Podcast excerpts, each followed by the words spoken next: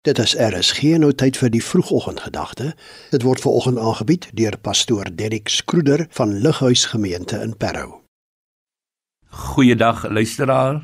Dit is ons laaste dag van die week waarin ons aan die voorhou die tema gehoorsaamheid aan God. En ter afsluiting wil ek vir u herinner dat ons gehoorsaamheid aan God laat toe dat ons sy wonderwerke ervaar. Miskien verlang u na 'n wonderwerk in u lewe of miskien in die lewe van die rondom ons.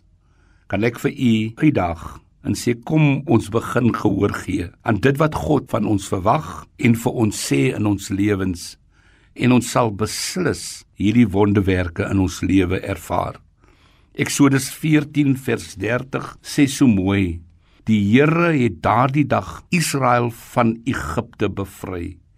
Die Israeliete het gesien hoe die Egiptenare verslaan is.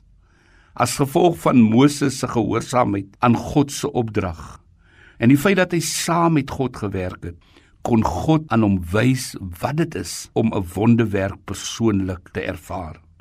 Daar is baie ander voorbeelde in God se woord van wonderwerke wat gebeur het as gevolg van gehoorsaamheid.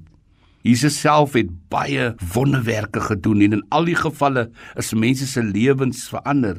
Of dit nou is Jairus dogtertjie, die man by die bad van Bethesda, die weduwee van Nain se seun en self Saul wat Paulus geword het.